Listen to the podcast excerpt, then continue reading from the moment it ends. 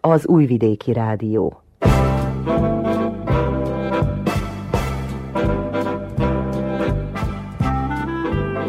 Mozaik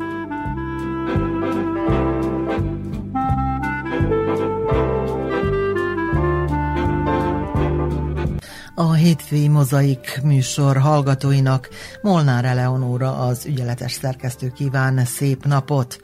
Több beszélgető társunk lesz a mai műsorban. Elsőként Bács-Feketehegyre megyünk, ahol pap Juliannával beszélgetünk.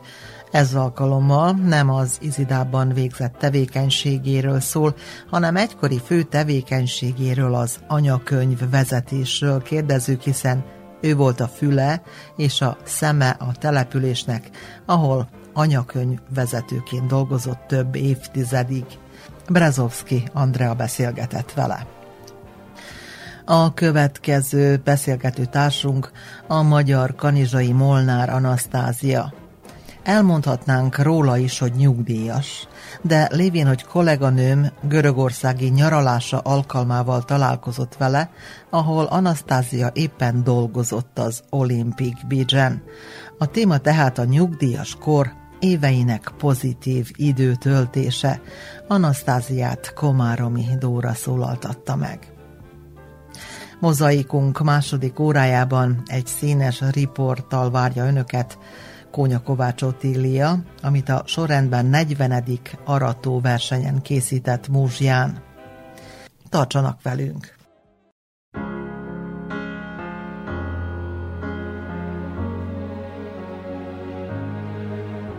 She may be the face I can't forget, a trace of pleasure or regret, maybe my treasure or the price I have to pay. She may be the song the summer sings, maybe the chill the autumn brings, maybe a hundred different things within the measure of a day.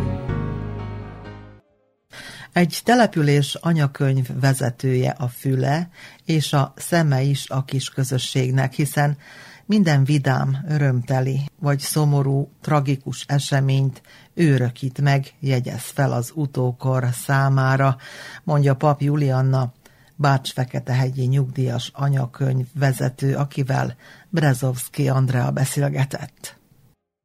Az anyakönyvvezető az a személy, aki az ember életének jeles szakaszaiban jelen van, születésénél a szülők döntenek személy nevéről, ha fiatal szerelmesként elhatározza házasságra lép élete párjával, a boldogító igenis az anyakönyvvezető előtt hangzik el, és végül a szomorú vége, amikor a hozzátartozó kisír szemekkel érkeznek az anyakönyvvezető elé. Bevezetőm csak röviden vázolta az anyakönyvvezető munkáját, viszont hogyan határozná meg Pap Julianna, nyugalmazott Bárs-Feketehegyi anyakönyvvezető, aki 20 évig végezte ezt a munkát. Hát nagyon nagy szeretettel köszöntöm a kedves hallgatókat, és van itt egy idézet, ami, ami egy kicsikét én rám is hatott, amikor eldöntöttem azt, hogy 36 év, majd 36 év munkaév után nyugdíjba indulok. Megpróbálom a másik fajta életmódot. És Vas Albertnak egy idézete nagyon ide stimmel, tehát minden útnak valahol vége van, és az emberi tulajdonság, hogy az út végéig visszafordulunk, és eltűnődünk életünk értelmén. Addig nem, de akkor igen. Tehát húsz év után, amikor anyakönyvezetőként lezártam egy időszakot, igen, visszafordultam, és egy kicsikét elgondolkoztam, mi minden fér bele ebbe a húsz évbe. Mert nagyon sok minden, boldogság és öröm is, és mivel én nagyon érzelmi ember vagyok, ezeket a perceket, vagy, vagy a szép perceket is érzelmileg teleéltem át, vagy pedig a szomorú perceket szintén úgy érzelmileg értem át. 36 munkaév után ment nyugdíjba, és ebből 20 évet dolgozott anyakönyvvezetőként. Hogyan került tulajdonképpen erre a pályára? Elég érdekes dolog ez is. Mikor elkezdtem dolgozni, mint közgazdász, akkor a tervéselemző előadóként dolgoztam a képviselőtestületbe Kishegyesen, Itt elemzéseket készítettem a gazdasági vállalatoknak az összességéről, pénzügyi kimutatókat, és egy számbeli világba éltem. Tehát nagyon érdekes volt, hogy tudtam még azon is nevetni, ha esetleg összejött, összeadtam egy összeget, és valamilyen furcsa 999 vagy ilyen érdekes számok jöttek, én tudtam még a számokon is nevetni. Igen ám, de családi okokból, amikor a Feketicsi, vagyis a Bács-Feketehegyi anyakönyvezető elment nyugdíjba, akkor kérelmeztem az áthelyezésemet az utazás miatt. Arra gondolva, hogy közelebb leszek a családomhoz, és mégis szeretek az emberekkel dolgozni, egy új fejezet nyílik talán életembe, és ez így is lett. Így is lett, mert, mint ahogy említettem, hogy nagyon érzelmi ember vagyok, Ugyanúgy együtt örültem egy-egy ügyfelemmel, amikor megérkezett és örömhírrel jött be az irodámba, és ugyanúgy szomorkodtam az emberrel, aki esetleg más ügyekkel, szomorúbb ügyekkel jött be, akár halálesettel, akár más szomorúbb helyzettel jött be az irodámba. Van egy olyan mondásunk itt, hogy a nagyfőnökünk Beográdból, a Kukorov úr mindig azt mondta, hogy mi vagyunk a füle és a szeme a falunak, a helységnek, ahol dolgozunk.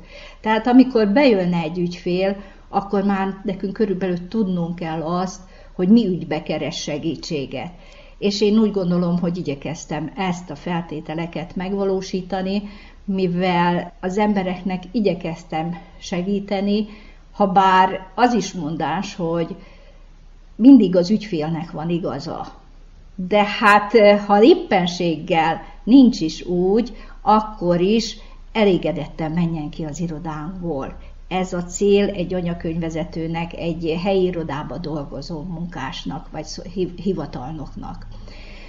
Na most itt ez érdekes még, hogy, hogy tehát egy számvilágból ide kerültem csupa érzelmi világba, és ezt átélni 20 éven keresztül én úgy gondolom, hogy, hogy sikerült, és én gondolom, hogy a polgároknak segítettem minden formájába, hogy az érdekeiket vagy a tárgyaikat pozitívan megoldjuk. Come walk with me and let go of the way you are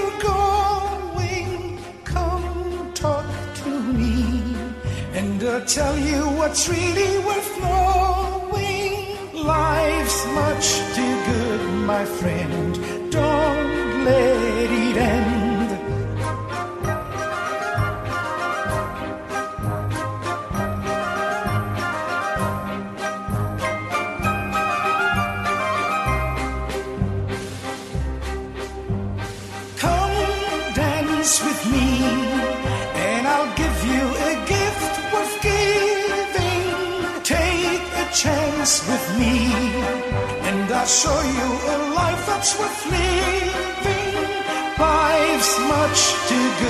My friend. Don't let it end.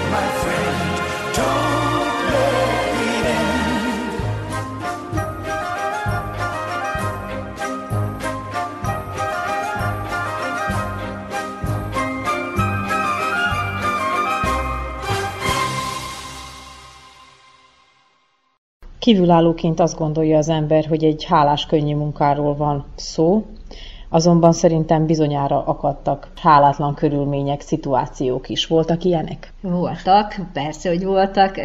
Először is az, hogy ugye 94-be kerültem ide Feketicsre, akkor, amikor a gazdasági helyzet igen-igen rossz volt. Tehát az emberek illetékek fizetésében nagyon-nagyon megszámolták a pénzüket. Vagy pedig épp abban az időszakban volt, amikor kenyérbónokat, naftabónokat osztottunk, és hát két-három nap alatt 500 ember átment az irodámon. Tehát itt hanyagolnom kellett akkor egy kicsit az anyakönyvvezetői munkámat, mivel más célja volt, ugye, más feladata volt a, a, a munkámnak, de akkor is úgy gondolom, hogy, hogy vannak persze, hogy kellemetlen pillanatok, mikor talán egy olyan felsőrendűen közeledik hozzánk valaki, aki, aki talán nem érti meg a mi helyzetünket, akik, hát ugye egy bizonyos törvényes keretek között kell, hogy dolgozzunk, és ezt nem szabad átlépnünk, mert ha átlépjük, ugye, akkor veszélyeztessük akár a munkahelyünket, akár a családunknak az egzisztenciáját. Na most vannak olyan nehéz pillanatok, amikor, hát ugye itt a legjobban a halálesetekre gondolunk, amikor be kell írni haláleseteket, és fiatal emberről van szó, vagy gyermekről, mert ilyen eset is volt. És a családdal együtt érez olyankor az ember, de akkor is kellett egy erősséget bizonyítani, mutatni az ügyfélnek, hogy legalább ne omoljon abba az időszakba össze, amíg itt van az irodában, és hogy elbírjunk mindent végezni, hogy kell. Tehát ezek a percek nagyon nehezek, nagyon nehezek, pláne az, hogy hát érzelmi embernek főképpen. És az is, az is nagyon nehéz pillanat volt életemben, mivel ugye én 94 94. január 3-ától jöttem át a helyi irodába, és elsőként sajnos a férjemet kellett beíratni, beírni, 15-én infarktban meghalt. Tehát ezek olyan dolgok, hogy higgyék el, hogy amikor a könyvet kinyitottam utána is, mindig ott nyílt ki. Pedig ez, ez hát nem szeretvén, de mindig ott nyílt ki. Az anyakönyvek tulajdonképpen a történelemnek a krónikásai, mert látszik rajtuk minden történés. Volt-e ideje a mindennapi feladatai mellett még lapozni ezeket a könyveket, bonyolultabb eseteket megoldani, illetve családfát kutatni? Engedélye az anyakönyvezető munkája, hogy egy kicsit úgy elmerengjén a történelemben. Ez a legérdekesebb ebbe az egészbe különben, amikor olyan dolgokra jutunk, amit nem csak a család részéről is, hanem mondjuk akivel minden nap találkozunk itt Bács-Fekete egyen, és nem is gondoljuk, hogy, hogy milyen dolgok vannak beírva abba az anyakönyvbe, ahol született ugye az az ember. Így nagyon érdekes pillanat az, hogy egy ismerősömről nem tudtam, hogy iker. Tehát tudtam, hogy létezik a, a, a, az egyik nagylány, létezik a fiatalember, És végül, amikor beírtam a változásokat, látom, hogy ikerpár. Ezek, ezek nagyon érdekes pillanatok. Vagy pedig vannak, van olyan eset, amikor két kisbaba megszületett, beírják az anyakönyvbe, és egymás mellett van egy kisbaba, lány kisbaba, egy fiúbaba, és azok most bizonyos idő múlva is házastársak lettek. És ma már én azt hiszem, hogy ott a 30 valahanyadik házasság évfordulót ünnepelik. Érdekes, e, ezek, ezek nagyon érdekes pillanatok, mert azért iskolába jártam. Ugye elemi iskolát betölt, befejezvén, Topolyán jártam középiskolába, utána Szabadkán főiskolára, és nem is ismertem a feketicsi lakosságot. És egy alkalom volt erre, hogy hát megismerjem jobban őket, eleinte nagyon nehézen is ment ez mind, mert ugye nem, nem ismertem az embereket, és mondja, hogy kérek egy kivonatot. Ugye? Jó van, de hogy mondjam meg neki, hogy hát nem ismerem a nevét, legyen szíves, mondja meg, de hogy ne sértődjön meg, mert ugye ő már jött, hogy Julikám, kéne nekem egy kivonat. Na most erre én mit bírok felelni? Akkor kinek kell, ugye? Valahogy rávezetni az embert, hogy hát mondja a nevét, és hogy, hogy megcsinálja, ne legyen furcsa nekem avval, hogy ne, ne sértődjön meg az az ember, hogy nem tudom még a nevét se. És akkor így valahogy, hát nekem a válasz, ugye még akkor sincs a név, akkor megint még valami kérdésekkel, hogy na mikor született, és akkor így valahogy ezek az érdekes pillanatok az életünkben, amikor itt vagyunk, ugye ezt személyesen ismerünk mindenkit, de néha nem jut eszünkbe a neve, vagy, vagy éppenséggel el is feledkeztünk, mert hát azért belünk is az a rohanó világ csak megy, és ezekben a percekben ki kellett találni valami, amivel ugye megoldható lett az a feladat. Thank you.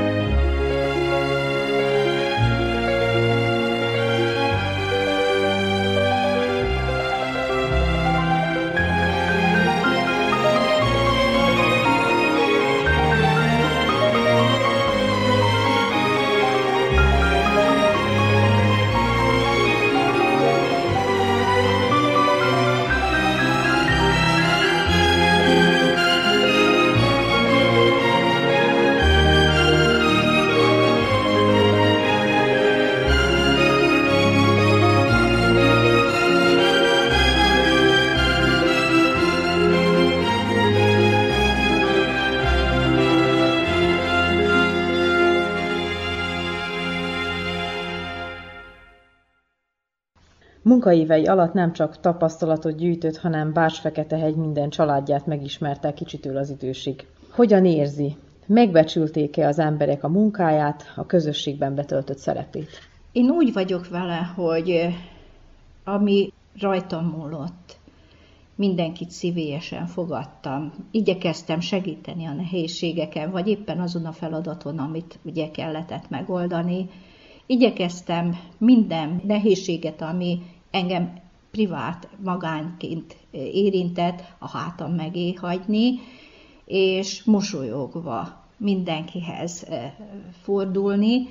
Én úgy gondolom, hogy ezt a szeretetet, amit én mutattam a polgártársaim iránt, ugyanazt a szeretetet, megértést vissza is kaptam.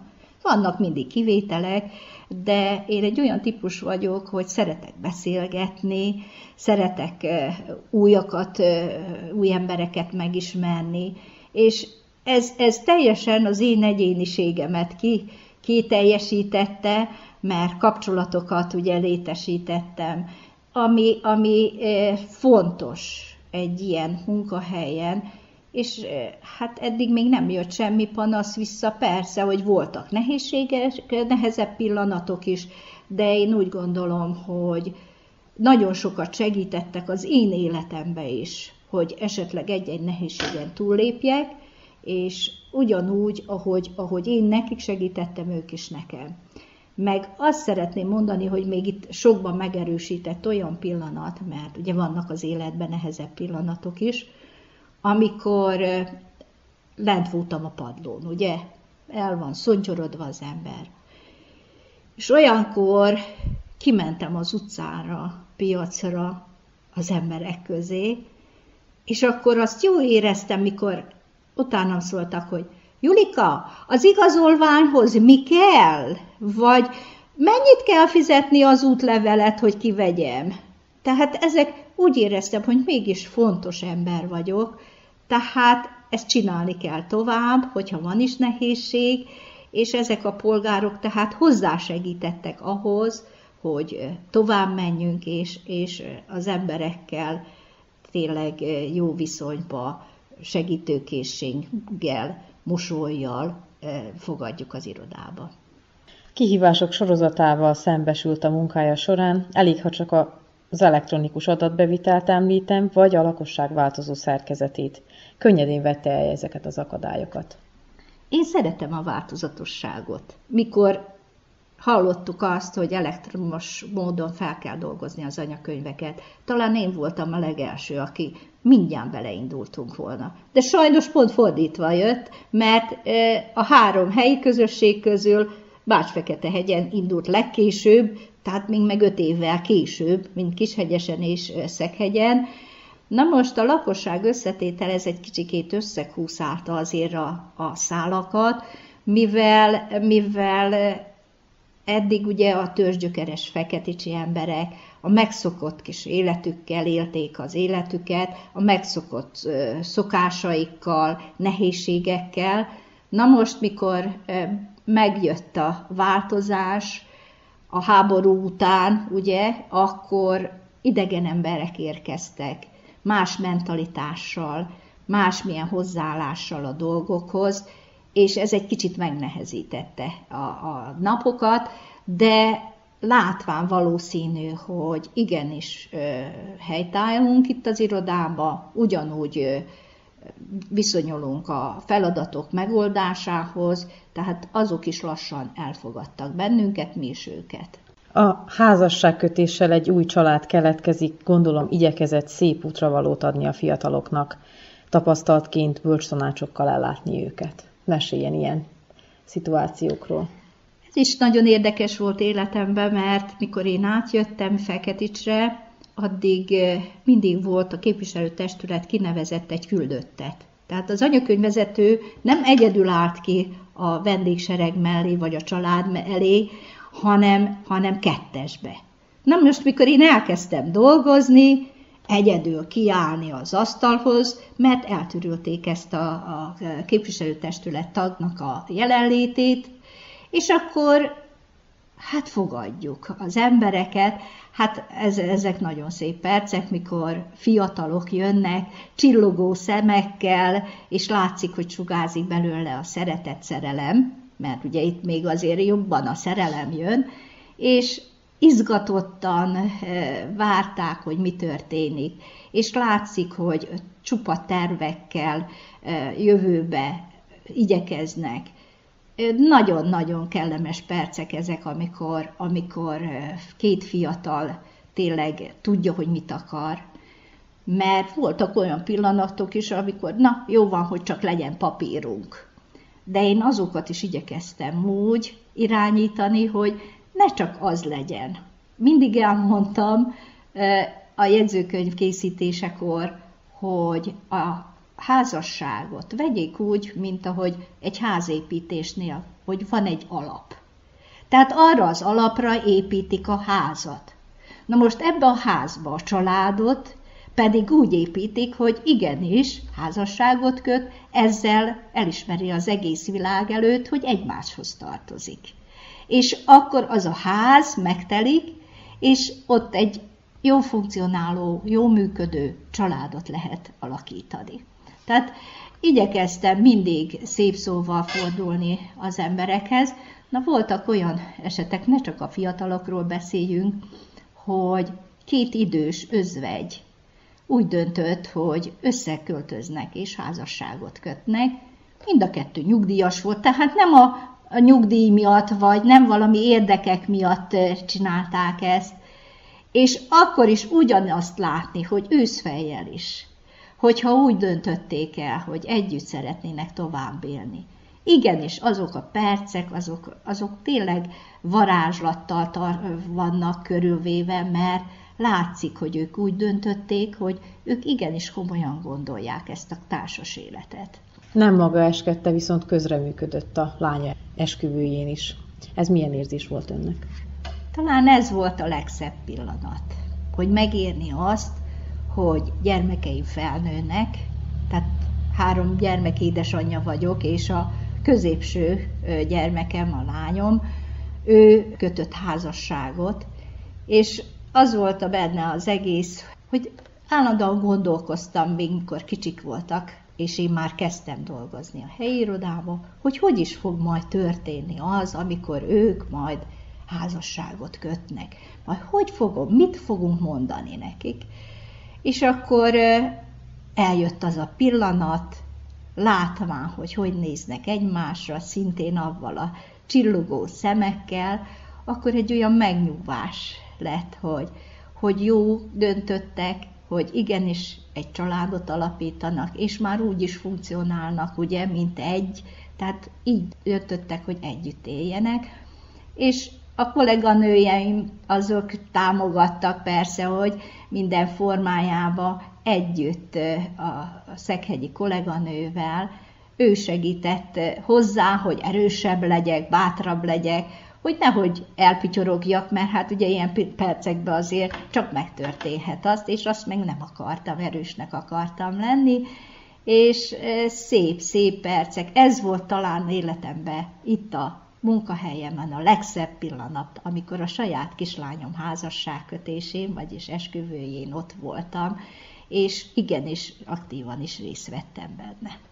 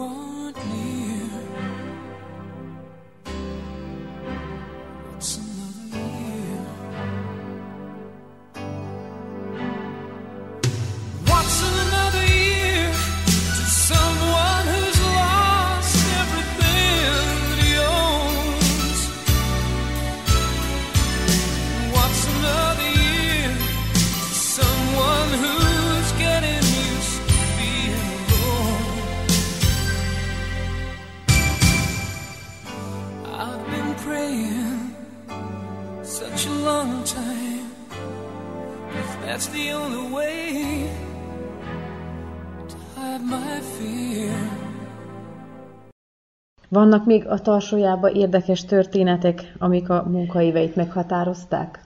Biztos vannak, mert minden nap egy új nap. Tehát minden nap valami újat hozott, és ezek mind olyan percek, amikor, amikor muszáj teljes egészében odafigyelni. Na, az, az talán nagyon fontos, hogy meg kell tanulni mindig abba a percbe élni. Tehát abba, abba a, a, az órába, vagy minden ügyfél elvárja azt, hogy amikor ő bejön az irodába, az összes gondolatunk, összes percünk az ő szolgálatára legyen. Tehát ezeket kellett megtanulni. Ez a legfontosabb, hogy úgy érezze tényleg, hogy, hogy igyekszünk segíteni, ha teljes, néha teljes egészében nem is lehet, de valamennyire igyekszünk segíteni. A kettős állampolgárság is egy mérföldkő lehetett a szakmája során. Kettős érzelmeket hoz ez az egész mindenség. Az egyik az, hogy tudván azt, hogy őseink ugye ezen a földön, ezen a részen, hogy is éltek, meg az, hogy ebben a húsz évben nekem az is érdekes, hogy ugyanazon a helyen lakunk, és három állampolgársági dokumentumot vagy éltünk át. Tehát ugyanott vagyunk, és, és voltunk Szerbia, Jugoszlávia, aztán voltunk Szerbia és Czernagóra, vagyis Montenegro, akkor utána voltunk csak Szerbia, tehát írtó érdekes gondolatok jönnek az emberbe ilyenkor, amikor ilyen dolgokkal találkozunk. Na most ez a kettős állampolgárság én, én nagyon pozitívan fogadtam el, mivel magyarul beszélünk. Tehát igenis, ezek, és a nagyapáink, például apósom abban az időben magyar katona volt. Tehát nem is nagyon, mint én, hanem az ő tiszteletére, aki harcolt Magyarországért, az mostan nyugszik békében, mert ugye azért az a neki járó tisztelet megvalósult szerintem. A másik része, megmondtam, hogy hát egy kis nehézségek is mindig vannak, az, hogy több papirológiával jár, és ennek részese voltam, mert ugye egy családnak vissza kellett vezetni a, a, a leszármazottját, és ez nagyon fájó, hogy az emberek egyszerűen nem tudják se a nagyapja, mikor született, sőt, még az édes apját se nem tudja, hogy mikor született. Tehát ez a nagy elidegenülés, ez jelen van napjainkban, és én azt hittem, hogy csak így az utcákon, de sajnos ez rámutatott arra, hogy odahazán, az otthonunkban is jelen vannak ezek a percek, és én azt üzenném mindenkinek, hogy keresse fel azokat a dátumokat, írja fel, hogy még élnek a nagymamák, nagyapák, hogy az ő nagyapái mikor születtek, de muszáj pontos dátumot, de legalább éveket. Vagy olyasmit is tanácsoltam, hogy járjuk fel a temetőt, nézzük a fejfán, hogy mit ír ott. Tehát, hogy egy kicsikét mégis az őseink iránt, ne csak, hogy egy papírt valósítsunk meg, hanem mélyedjünk bele, hogy honnan is származunk. Tehát ezek a percek, szintén mondom, nekünk nehézségek voltak, mert sok papírt elő kellett venni, és ilyesmivel is találkoztunk, hogy nem tudjuk a családtagjainknak az adatát. Tehát ezek, ezek nagyon ö, sajnálatos dolgok, mert, mert ha már csak azt is, hogy én ötödikbe jártam, az is már egy útmutató, de az, a nagyapáink, nagyanyáinknak Például most találtam meg én is a nagyapám Bibliáját, és be van a Bibliába írva az összes gyermekének a születési dátuma, az ő szüleinek a halálozása, születése, tehát valahogy annak idején is foglalkoztak azzal az emberek, hogy azért tudni szerették volna, hogy hát hova is tartoznak, kihez tartoznak, kinek a leszármazottjai. Hát ezt miért nem bírjunk mi fiatalok is megcsinálni? Nem muszáj Bibliába, egy könyvbe. Vagy ugye most már a komputer világában vagyunk, ha más nem oda, komputerbe beleírni, és akkor ezek az adatok mindig megvannak, hogy hol, hol, is, hol is vagyunk, meg honnan is jöttünk, és hova is akarunk menni, akkor könnyebben megbírjuk határozni. Végül térjünk rá egy aktuális kérdésre. Hogyan múlnak a nyugdíjas napjai, hogy így fogalmazzak? Hiányzik-e esetleg a munkája? angozsálom magamat, nem engedem, hogy sokat gondolkozzak. Aki ismer, azt tudja, hogy az Izida Egyesületbe aktívan részt veszek, tehát egy foglalkozásnak megmaradt az is. A másik meg az, hogy a Vajdasági Magyar Folklor Központnak vagyok a tagja, ahol tanultam szőni is, és nagy reményeket fűzök most hozzá, hogy majd most sokat fogok szőni, mert minden nőben vannak kreativitások. Na most, ugye amikor 8 óra munka után hazaér a család, még mellette esetleg egy másik szervezet, kevés marad arra a kreativitásnak a kifejlesztésére, kifejlődésére. Visszavonulok az én kis szövőszobámba, és szőni fogok. A másik pedig az, hogy többet fogok talán a gyermekeimmel lenni, unokázok, de itt azért megemlítenék egy olyan egy kicsikét nehezebb pillanatot. Én nem úgy gondoltam, hogy én visszavonulok most, és hogy én majd a helyi közösségbe vagy a helyi irodába nem megyek be. És úgy alakult, hogy be kellett mennem, és én megyek be az irodába, kopogok, erre látom, ugye a másik kolléganő már ott van. Úgy, úgy valahogy, hát tudtam, de az úgy egy kicsit meglepődve fogadtam, hogy jaj, hát tényleg most már nem úgy mehetek be, mint oda hazára, mert ugye ez volt a másik otthonon, hogyha egy 24 órából levonunk 8 órát, amit dolgozunk, akkor az a másik eh, időszakban 8 órát alszunk, ugye kevesen marad a, a, a családra, és most az az egyik család, az a helyi közösség, az a munkaközösség, aki tényleg nagyon-nagyon összenőtt, egyszerűen nem olyan most már, mint ahogy volt, mert hát én már nem vagyok része neki. De szívesen fogadnak, úgyhogy ez persze, hogy természetes minden embernek. E, én gondolom, hogy ugyanúgy fogunk valami aktivitást találni, vagy együttműködni, akár az önkormányzattal, akár a helyi közösséggel, és én nekik is köszönöm mindig az én nagy főnökjeimnek, a munkatársaknak, hogy nehéz perceimben mellettem voltak, támogattak, és esetleg még tanácsokat is adtak sokszor, hogy mit, hogyan oldhattok meg, amikor tudván, hogy azért egy nő egy családot nehezebben bír irányítani, és ugyanúgy kívánom, hogy nagyon szép percei legyenek az utódomnak, az anyakönyvezetőknek, és élvezzék inkább csak a jobb perceket, a nehezebbeket pedig hát valahogy legyen erejük, hogy átvészeljék úgy, ahogy legkönnyebben lehet. Köszönöm a beszélgetést, és hosszú boldog nyugdíjas éveket kívánok magának. Hát, köszönöm szépen. Pap Juliannával Brezovszki Andrea beszélgetett.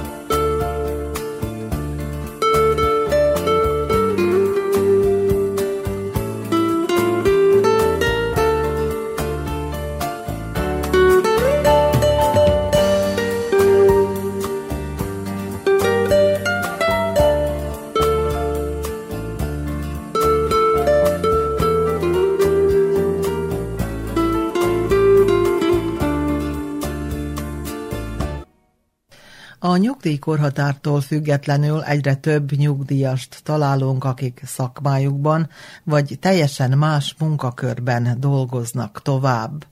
Most már azon sem csodálkozunk, hogyha ezeket a szorgos nyugdíjasokat külföldön találjuk.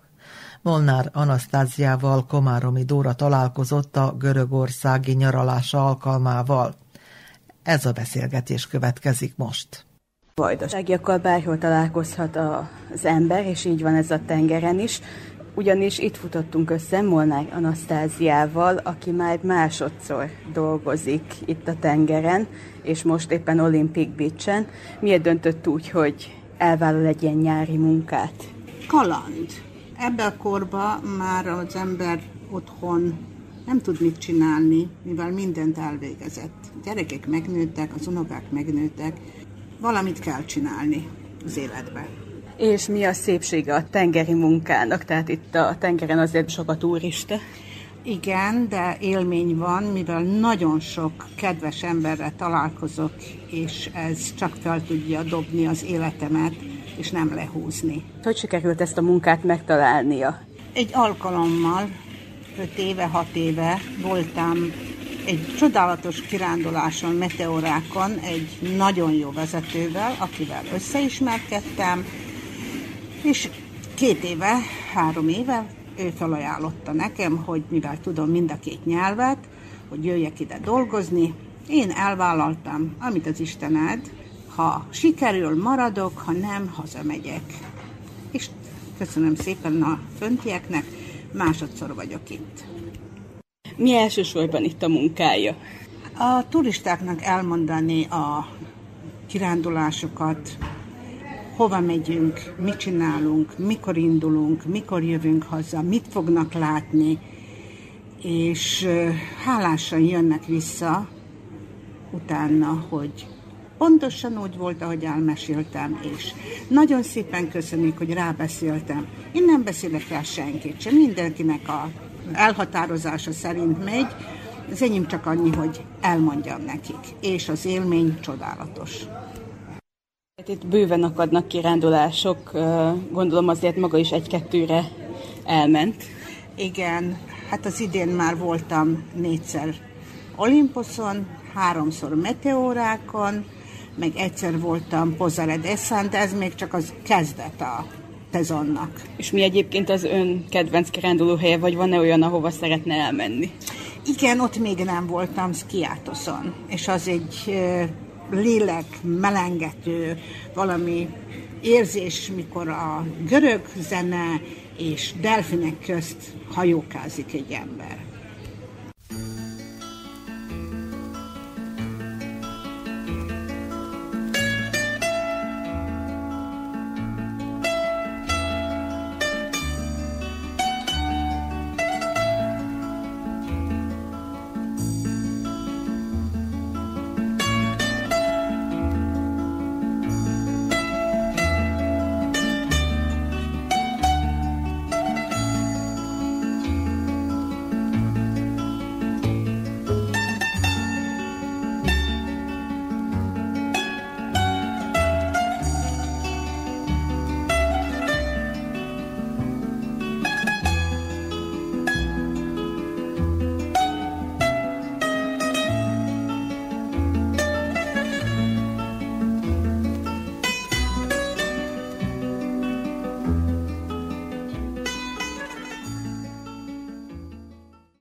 Kanizsához képest azért Görögország egy kicsit más. Mennyire lehetett megszokni az itteni mentalitást? Az megy, mert végeredményben mink se vagyunk mindennapi emberek, és olyan közegben lakok, ahol, ahol több nemzetiség van, úgyhogy ez, ez nekem jó. Akkor egyébként hogy kell elképzelni egy ilyen munkanapot önöknél? Délelőtt tíztől kettőig vagyok itt, és délután este, mondjuk rá, 6-tól 10-ig, 11-ig, attól függ, hogy a turista szezon mennyire sűrű most már. Van, mikor még éjfélkor is itt vagyunk, de ennyi. Ha megyünk kirándulni, akkor az indulásnál ott kell lenni a busznál, visszaérünk a kirándulásról, és jövünk ide dolgozni tovább. Itt azért most elmondanám a hallgatóknak, hogy időközönként megszakítjuk az interjút, mert hogy ugye jönnek a turisták. Honnan érkeznek a turisták? Kikkel kell beszélgetni, akiknek kell elmagyaráznia? Hát vannak szerbek, magyarok, ukránok, csehek, lengyelek, németek, szóval az egész világ. Szépen összejöttek, nincs szabadidő semmire. És akkor gondolom a vajdasági munkaerőt is keresik itt az emberek, hiszen a vajdaságiak általában több nyelven beszélnek. Igen, igen, én meg is hirdettem, sajnos kisebb-nagyobb sikerrel, mert nem rajtam múlik, hogy felveszik-e azt az embert, vagy nem. Odadom a kontakt, telefont, és megbeszélik. Én még nem, vannak, de nem, nem olyan sokan. Itt említette az előbb, hogy egész nap dolgoznak gyakorlatilag, de van-e esetleg szabad idejük? Hát csinálunk magunknak szabadidőt, megbeszéljük a kollégákkal, hogy ma én megyek a tengerpartra, ő előbb nyit, és majd én később jövök, másnap meg majd ő. Ennyi. Megbeszélés kérdése az egész. Két hetes nyaralás után is jó lebarnulhat az ember, de így a több havi nyaralás után mi a helyzet? Ó, hát mindenki örül nekem, meg kérdezik, hogy hogy volt, mint volt. Hát ha nem lenne jó, én biztos nem jönnék itt.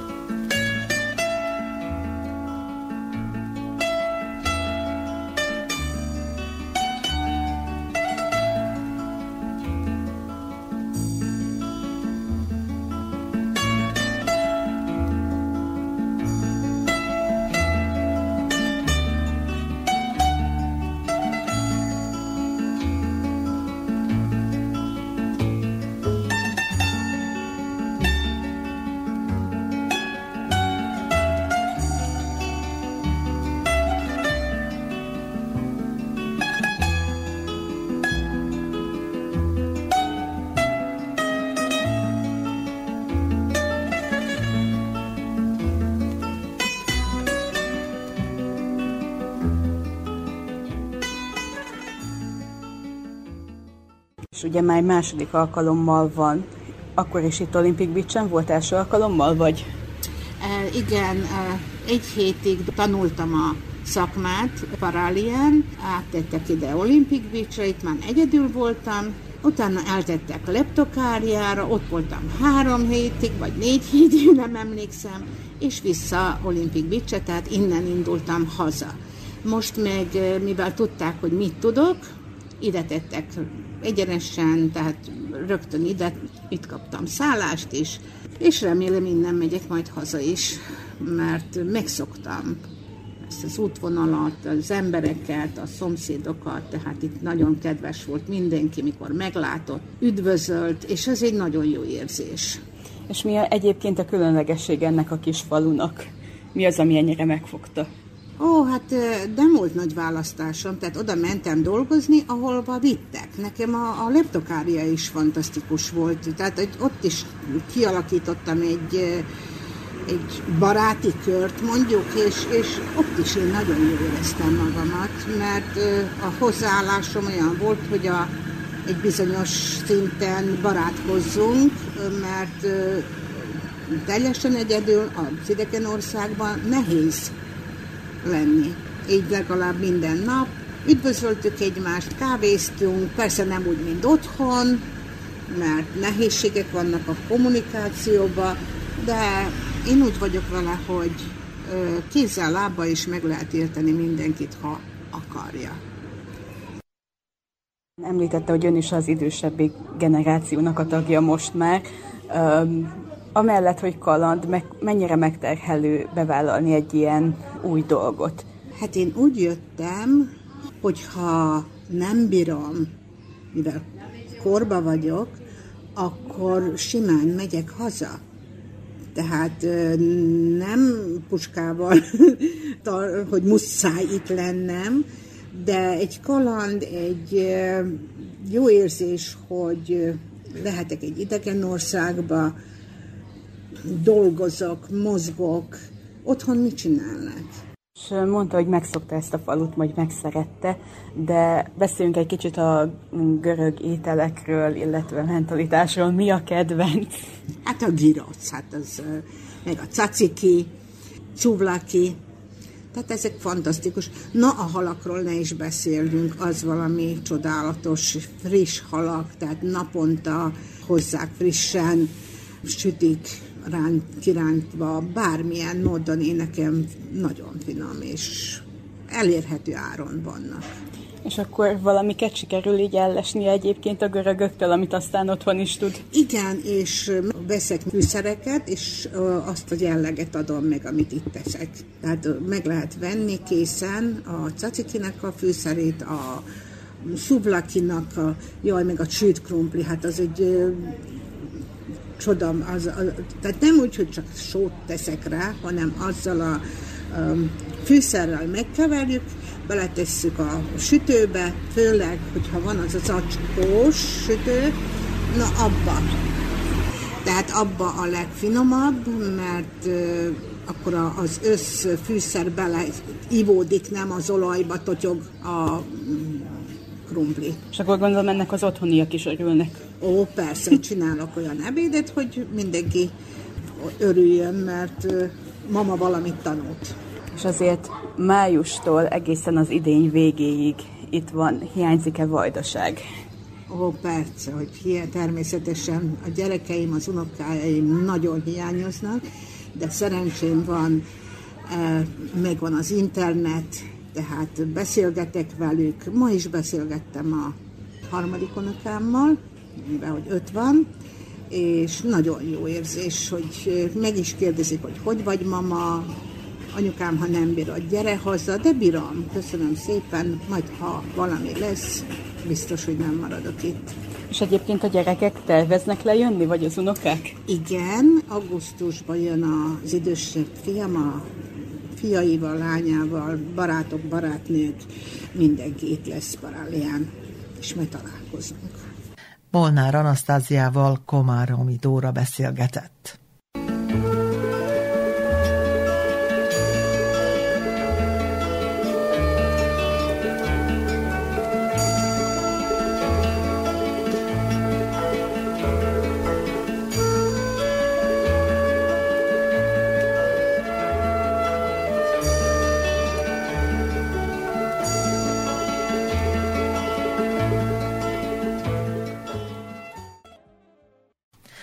A muzsai határban a napsugaras tópartján ünnepélyesen megtartották a 40.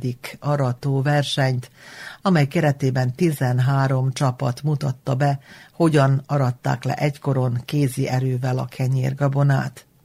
A gyülekezés ezúttal is a Petőfi Sándor Művelődési Egyesület székháza előtt volt, ahol a műkedvelők alkalmi műsorral kedveskedtek a jelenlevőnek, majd a búzaföldekre vonultak, és a hagyományos reggelit követően megkezdődött a bemutató.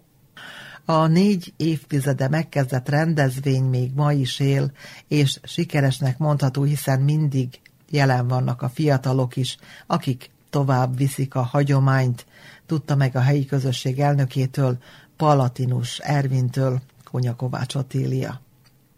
Mennek az emberek, nem igaz. Nem igaz, mert mink ölegen vagyunk, hogy egy ilyen rendezvényt megcsináljuk Muzslán 45 sző, és minden évben sikeresebben vagy sikeresebben. Tehát azokkal kell foglalkozzunk, akik itt vannak, akik itt vannak, pedig vannak ölegen, hogy egy, hogy egy ilyen hagyományt, az őseinknek a, a hagyományait megőrizzük, és tovább adjuk a, a jövendőbeli generációknak.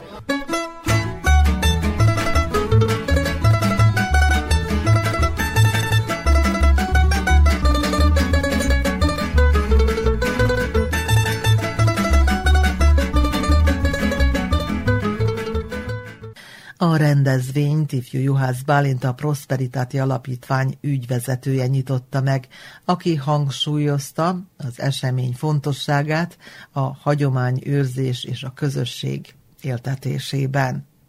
Azt gondolom, hogy az aratás az ünnep, ez nagyon fontos, és manapság hajlamosak vagyunk ezt elfelejteni.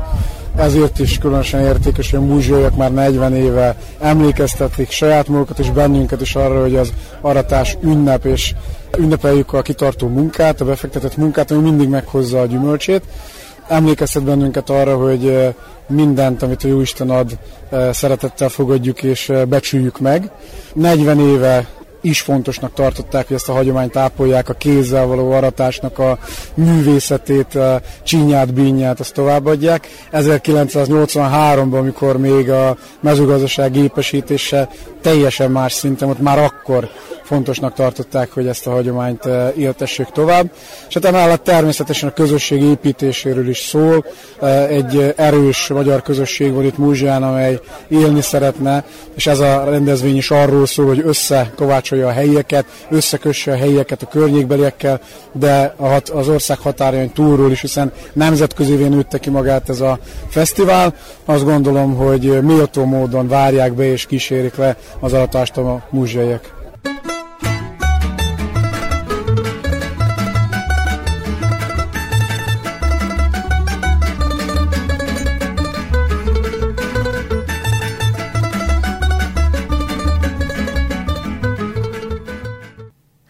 Palatinus Aronka helytörténész az első arató versenyre is visszaemlékezett. 40 évvel ezelőtt megindították az arató versenyt itt Muzsján, és annak az ötletet adó csapatnak a tagja volt Palatinus Aranka is. Most, így visszatekintve a kezdetekre és a mostanira, hogyha belegondol, mi köti össze? Mi volt a cél eredetileg, amikor beindították, hogy volt, mint volt egykoron, most? Hát eredetileg az volt a cél 40 évvel ezelőtt, amikor összefogott ugye a marokni csapat, a helyi földműves szövetkezet, a helyi közösség tanácsa, a Petőfi Sándor Művelődési Egyesület és a nők klubja vagy nőszervezet. Azzal a célra, ugye a szövetkezetbe termelők voltak, földművesek, vagy parasztok, ahogy nevezzük őket, az volt a cél. Akkor már ugye a gépesített világ kezdődött rohamosan, az emberi munkaerő ki szorítva, a munkákból, hogy mutassuk meg gyermekeinknek, unokáinknak, a jövő nemzedéknek, hogy valamikor kézi erővel hogyan takarították be eleink a kenyérgabonát, hogyan is jutott minden család asztalára a kenyér, honnan került oda a kenyér. Elég hosszadalmas, fárasztó munka által jutott kenyérgabonához az akkori földműves parasztember. És hál' Istennek a 40 évvel ezelőtt elindított cél megvalósult. Ugye az első cél, hogy bemutassuk, mit csinálunk, mind többen bekapcsolódtak a helyi közösség 20 valahány szervezete, a helyi közösségben működő császárkát, a parasztgazdaságok, a méhészek, vadászok mind bekapcsolódtak ebbe a rendezvénybe, és igazi sokadalommá alakult át a rendezvény amikor volt a megnyitója ennek a 40. rendezvénynek, akkor azt is említette, hogy maga pontosan tudja, hogy kik voltak azok, akik az elsők voltak, akik bevállalták ezt a bemutatót. Hát persze, hogy tudom, a Földműves Szövetkezetben dolgoztam akkor, és hát házról házra kellett járni, megmagyarázni a célt, és megmondani, hogy ők nem szereplők, hanem valódi aratók, hogy mutassák a jövő nemzedéknek, hogy legyenek tisztába azzal, hogy meg azok is, a jövő nemzedék is vigye tovább, hogy valamikor hogy csinálták ők is. Hát hál' Istennek bevállalták, az első aratópárok voltak Juhász István, Mezei Rozália, mert akkor elmondanám, hogy akkor aratópárok voltak, most már arató csapatokká fejlődtek.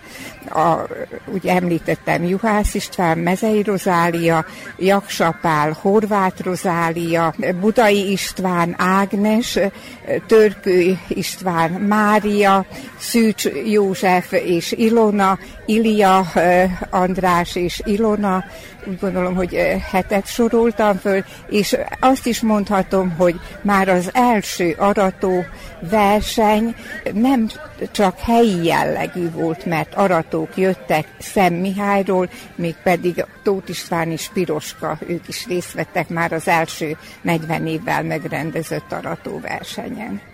Elmondhatom azt is, hogy a zsűri tagja is igazi parasztok voltak, Tóth Erzsébet, Kismárton József és Égető István évtizedeken át ők töltötték be ezt a tisztséget, hisz ők tudták, hogy mit kell értékelni, ugye az arató reggelit, mert annak idején nem volt ilyen gazdag az arató reggeli, de mivel az aratók is szegényebbek voltak, de a, ott volt a kenyér, a mindennapi kenyér, a szalonna, ilyen megylevesféle volt, a friss uborka és paradicsom, hisz akkor már a kertben megtermettek a salátafélék is, meg kalácsot is sütöttek az asszonyok, mert készültek, hisz az aratás az egész évi, mondhatjuk azt, a munkájuknak a gyümölcse volt, és azt szeretettel csinálták, és ugye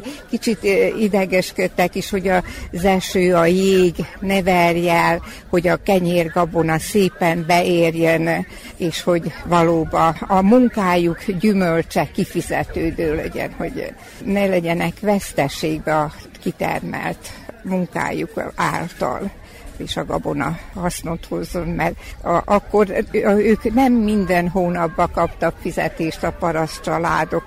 Ők akkor, amikor beért a gabona, kenyérgabona, a kukorica megtermett, akkor a napraforgó, akkor jutottak pénzhez és azt kellett beosztani egész éven át.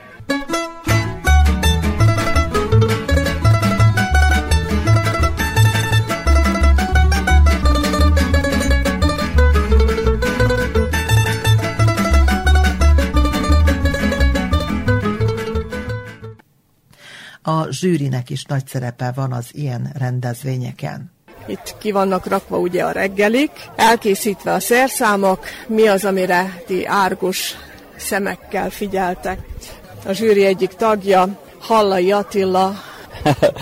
Hát éppen azt osztályozok a, a reggelit és a szerszámot. Hát egy szóval minden a, a, a régi hagyomány alapon kell, hogy, hogy kinézzen. Nagyon odafigyelünk, semmi ilyen modern eszköz, se a reggeli asztalnál, hogy úgy mondjam, se az eszközöknél nem szól legyen. Minden a régi, minél régebbi, annál jobb. Ebben is odafigyelünk a hagy, hagyományápolásra. És aztán, amikor majd ugye vége lesz a versenyrésznek, akkor mi az, amit osztályoztok, mi az, amire nagyon odafigyeltek, amit re összpontosítotok. Azt tudjuk, hogy már ez régóta nem verseny, csak egy ilyen bemutató jellegű rendezvény. Hát nem verseny, de, de verseny, de csak is odafigyelünk, és mindenki nagyon odafigyel. Szóval a, a reggeli terítés, odafigyelünk maximálisan, a szerszámra egy kicsit elnézék vagyunk, és a buza learatására persze kézzel, de a, a keresztek összerakása és a kévéknek a megkötésére erre maximálisan figyelünk, mert erről szól minden, még a reggeli valahogy elmén a pálinka mellett, de az, hogy beálljon a búza a kereszt, a, a, a se, nem, hát úgy, nagyon odafigyelünk az ilyen dolgokra. Nem verseny jellegű, de, de lehet mondani, hogy igen. Itt ugye arra is akartam rátérni, hogy valójában mindegyik csapat valamiben jó. Ez lesz a végeredmény. Hát igen, a végeredmény, hát nem bírunk mindenki, mert mindenki máshogy kaszál, máshogy köti a kévéget, máshogy aki, más, hogy néz ki a, a reggeli, az, az asztalja. De hát úgy nézik, hogy mindenki meg legyen elégedve, egy, egyformán kapja mindenki. És jövőre is minél több számba jöjjenek. Hány csapat van most az idén? 13 csapat van az idén avval, hogy van egy kis, volt egy kis gond, a, a Magyarországot nem tudtak eljutni. Honnan jöttek ezek a csapatok? Az egész Magyarországból jelen vannak. Szabadkától Székelyke végig Igen, pontos, a Szabadkától, így is úgy is 135 kilométer.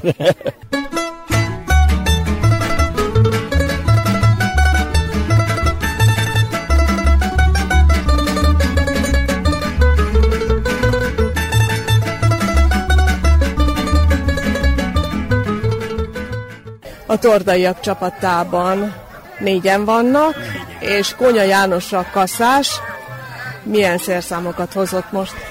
Hoztam a kaszát, annélkül nem mertek kaszálni. Hoztam a gerebjét, össze is kell kaparni. Hoztam a feleségemet, ő összeszedi a markot. Hoztam Évát, beköti. Hoztam Ferit, ő majd köröztöz. És akkor így mindenkinek ki van osztva a feladat. Megvan a feladata, és csináljuk. Iparkodunk a legjobbat megtenni, hogy legalábbis az első-második helyet mi vigyük el. És különben régebben arattak így valóban kaszával, meg kézzel, ahogy az őseink? Kisgyerek voltam, én is kín voltam apámékkal, össze voltak ábat. Nagy család az megbírta csinálni, de nagy családnak volt több fő, de azért fogadtak, vagy valakivel összeálltak. Körülbelül, hogy annyi buzája van annak is, mint, mint mondjuk nekem, és akkor kimegyünk, megcsináljuk egy parcellát máma nekem, hónap megcsináljuk a másik parcellát. Ő nekik azt így elfogyott a határ. Most milyennek tartja ezt a hagyományápolást, ezt, hogy valahogy átadni, megtartani a következő nemzedékeknek ezt a hagyományt? Mondjuk személyesen én büszke vagyok magamra. Szeretném ezt átadni, ha másnak nem legalább a fiamnak, vagy az unokámnak valamelyiknek. Vannak hatan, hát csak az egyik megfogja a kaszát. És már fogta meg a kaszát egyébként? Még idáig nem, igen. De a reményt nem kell elveszíteni. Majd biztatom őket.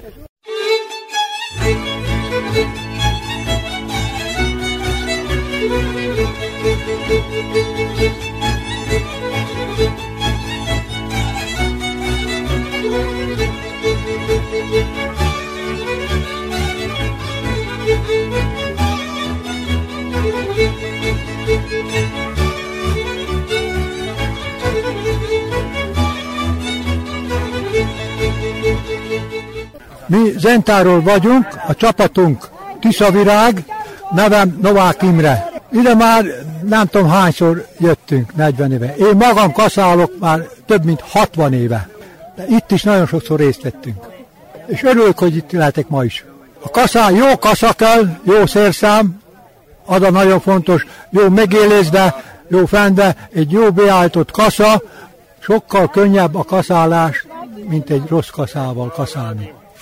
Van már olyan vékony, ami úgy elkopott, hogy alig van neki kasza éle, ez még egy újabb kasza, ez, a, de könnyebb, még rövidebb. Különben 80 centisek, 85 centisek szoktak lenni a kaszák, és akkor a takaróval szépen, hogy a rendet szépen le lehessen vágni. Hogy könnyebb összeszedni, meg szép kével legyen belőle.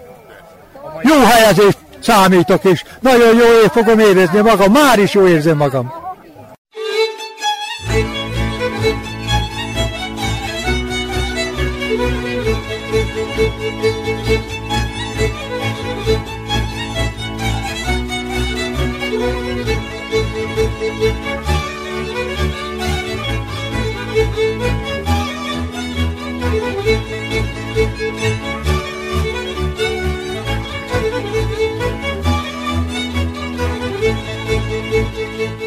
A csapatok túl vannak az aratáson, most így visszapillantva a munkára, mit lehet elmondani? Dobó József. Azt elmondhatom, hogy egy kicsit eltértünk a hagyományos aratástól, mivel ugye a csapatunkban öt tagú volt, és abból három gyerek, úgyhogy a kaszásnak inkább arra kellett vigyázni, hogy hol vannak a gyerekek, mint arra, hogy mit kaszál, de mikor végignézek a tallón, akkor látom, hogy a talló az igen alacsony, tehát alacsonyan szépen meg lehetett, le lehetett kaszálni a buzát. A kereszt is szép, úgyhogy a munkával meg lettünk elégedve, a gyerekek teljes szívvel végezték a gerebjézést, úgyhogy kalász nem nagyon maradhatott el a mi tallónkon a gyerekeknek köszönve. Régebben sokkal jobban megbecsülték a gabonát, a kenyérnek valót, a kenyeret. Manapság ön szerint hogy is vagyunk ezzel? Hát sajnos el kell, hogy mondjam, vagy be kell, hogy valljam, hogy ma a kenyeret messze menőleg nem becsülik úgy, mint régen, mert régen az volt, hogy ha a családnak kenyere van, akkor a biztosítva van az elkövetkező, előtte álló évre az étel. Ma sajnos a kenyérnek nagyon megcsökkent az értéke. Talán éppen annyival csökkent az értéke, amennyivel kevesebb veríték folyik a gabona betakarításánál. Régen igen verítékes munka volt a gabona betakarítás, kezdve az aratástól, utána hordás, cséplés, Hát ma ugye mindent ezt egylébe elvégeznek a kombályok. Valójában a gazda azt se tudja, hogy aratott, mert mindjárt a raktárba, magtárba szállítják a gabonát, és a legnagyobb gondjuk az, hogy mennyit is fizetnek érte, tehát az állam mennyit fizet a buzáért. Ebbe áll a mai aratás. Hát régen nem így volt, és szerintem talán ezért is nem tudják oly mértékben megbecsülni a kenyeret, amelyet ősidők óta nem hiába foglaltak még az imába is, hogy a mindennapi kenyerünket ad meg nekünk ma. Hát ez sajnos ma már nem így van. De viszont az szép, hogy ilyen hagyomány megőrzés zajlik itt Muzsján 40 éve, hogy ugye megkezdték ezt a folyamatot, ez tovább él.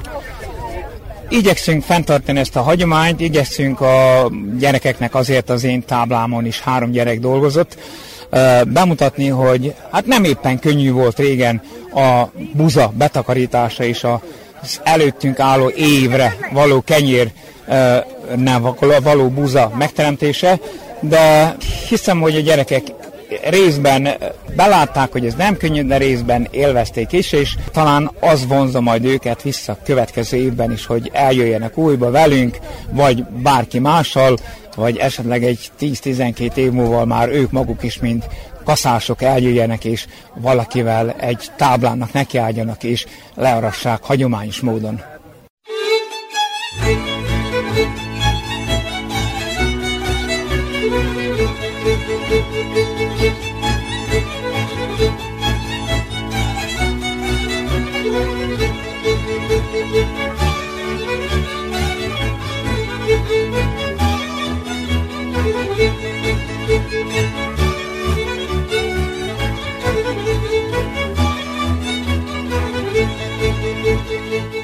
Szarvák Julia, 12. éve, hogy aratok.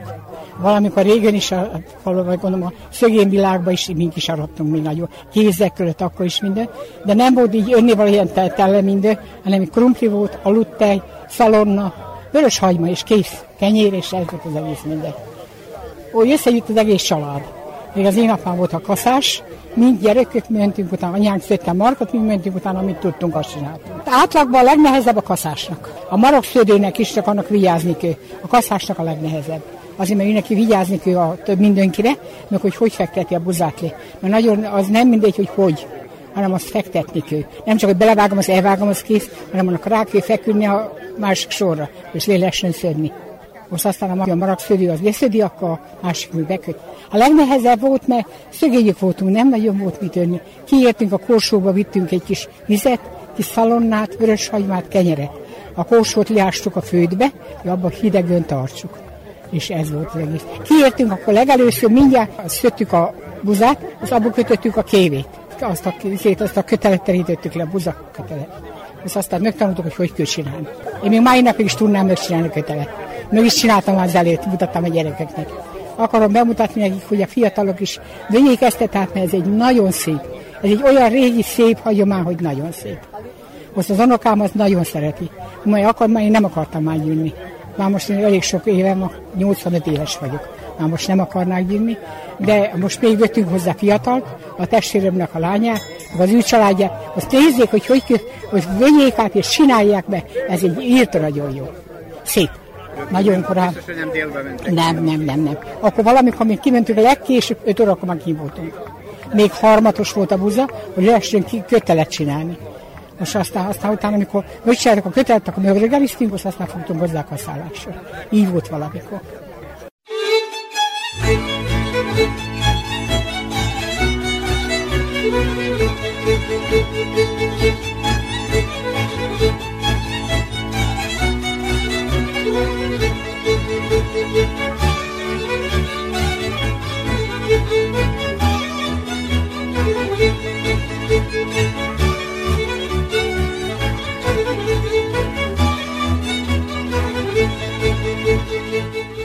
Sötéték is aktív részvevői a, az aratóversenynek. Erzsébet, most hogy készültek erre?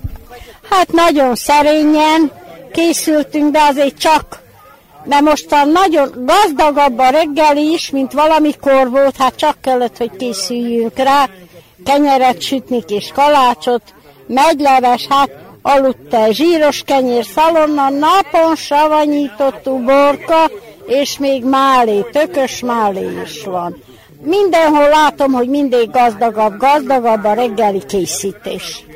És utána kinek mi a feladata a csapatban? Hát én már nem dolgozok, mert egy kicsit ilyen invalid vagyok.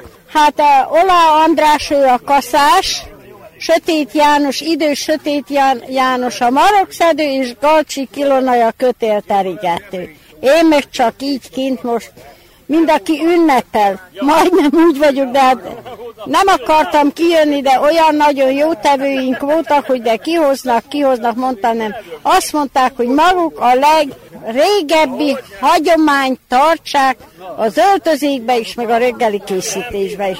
De ki kell jönni, háromszor is eljöttek szólni, hogy de gyűjjek, de gyűjjek. Régen azért, amikor így az idősebbekről volt szó, akkor mit csináltak az idősek, akik már nem tudtak aratni? Hát azok otthon maradtak, régen is akkor otthon főztek, várták az aratókat, hogy hazaérjenek jó vacsorával. Mert elég nehéz munka volt ez annak idején, ugye több napot, egy hetet is arattak, és akkor hát elfogyott jó az erő, mert nem mindenkinek volt akkor se se szalonnája, se kolbás, se sonka volt, aki zsíros kenyéren, de valahogy csak kitartottak. Csak kaptak erőt, a Jóisten adott nekik erőt, hogy folytassák a munkájukat. Régebben jobban megbecsülték a kenyeret, mert ugye most itt a kenyérgabonát takarítjuk be. Igen, minden kassa vagy szálat föl kellett, hogy szedjünk fölött gerebjéze, és aztán még át kellett nézni, hogy a buzakalászokat összeszedjük, összekössük, és hazavigyük azt is. Jobban a kenyeret is, meg a buzát is jobban megbecsülték. Szerintem én úgy látom.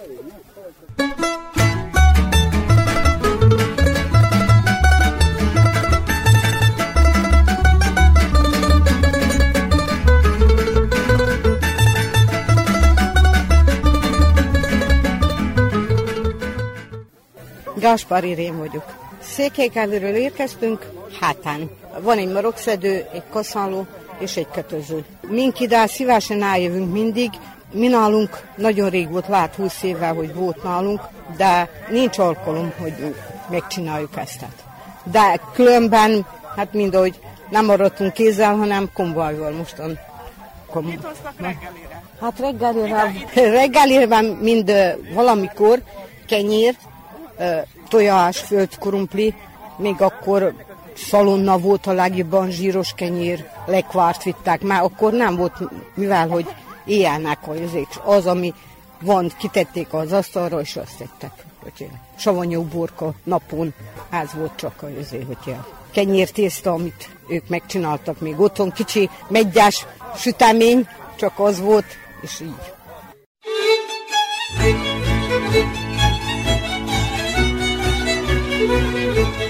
A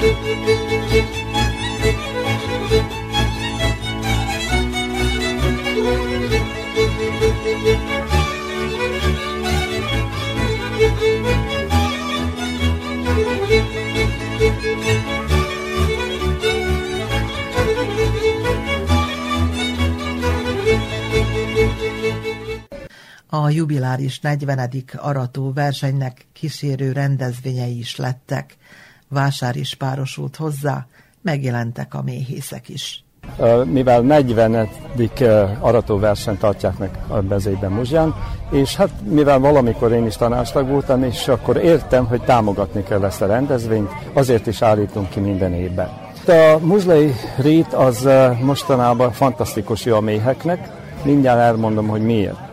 Azért, mert a muzlai rétet megvette egy szlovén cég, és ilyen organikus termeléssel foglalkozik, és hát véletlen én vagyok megbízva a méhek lerakásával, a beporzással, és úgy csinálom, hogy ne legyen megterhelve, leterhelve a legelő, és nem csak az, hanem ha már a mézről van szó, nem használnak peszticideket, ilyen vegyszereket, és mikor elmegyek ezekre a méhesekre itt a muzlai rétbe, akkor visszaemlékszek arra a 70-es évekre, hogy milyen egészségesek voltak a méheink. Úgyhogy ez egy öröm számomra, mivel komolyan foglalkozunk méhészettel, és ha már nem használnak vegyszereket, akkor valószínűleg, hogy ez a méz is nagyon egészséges. Leginkább a Muzsai Akác Méhész Egyesület tagjai tartják a méheket Muzslán. Mi úgy egyeztünk meg, hogy nem csinálunk kárt egymásnak, szóval egymáshoz közel nem rakjuk le a méheket, mert tudni kell azt is mondjuk rá, hogy egy hektár napra forgó elbír egy négyet még családot, és az egész muzslai rétbe szétraktuk mi magunk is, meg a többi méhésztársunk is a méheket, úgyhogy ilyen egyességgel nagyon szépen működünk.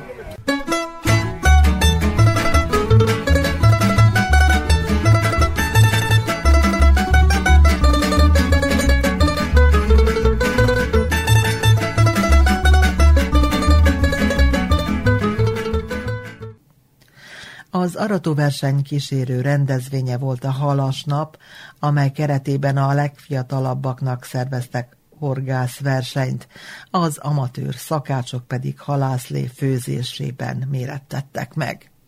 Horgászverseny is volt itt a legfiatalabbak részére, és Lázár Imre volt a zsűri egyik tagja. Milyen eredmény született, hány gyerek volt a versenyen? Hát sajnos az idén nem sok gyerek vett részt, hat kisfiú vett részt, és volt egy kislánydrukkoló, amit szintén megdíjaztunk, az miatt, hogy, hogy kitartott a fiúhorgászok mellett. És milyen eredmény született? Hát az első hely 31 halacskát fogott, Váci Márkót, a második hely Stojkó Teodor 21 halla, harmadik hely Csordás Otto 14 halla, a negyedik hely Králosz Denis két halla, az ötödik hely, az két, két hely volt, meg Rálosz Mati és Csordás Attila egy-egy halat fogtak. És ez is már hagyományos, hogy így a gyerekek a napsugaras tóból ugye kifognak kis halacskákat, és egy ilyen élményt is nyújtotok nekik.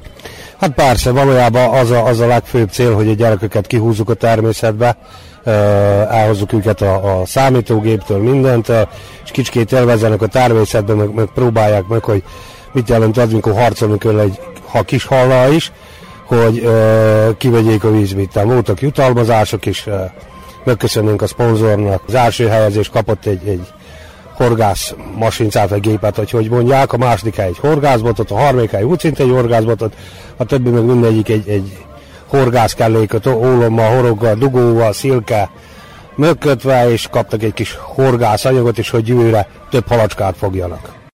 A múzsiai aratóversenyen készült riportunk Kónya Kovács Otília munkája. Thank you.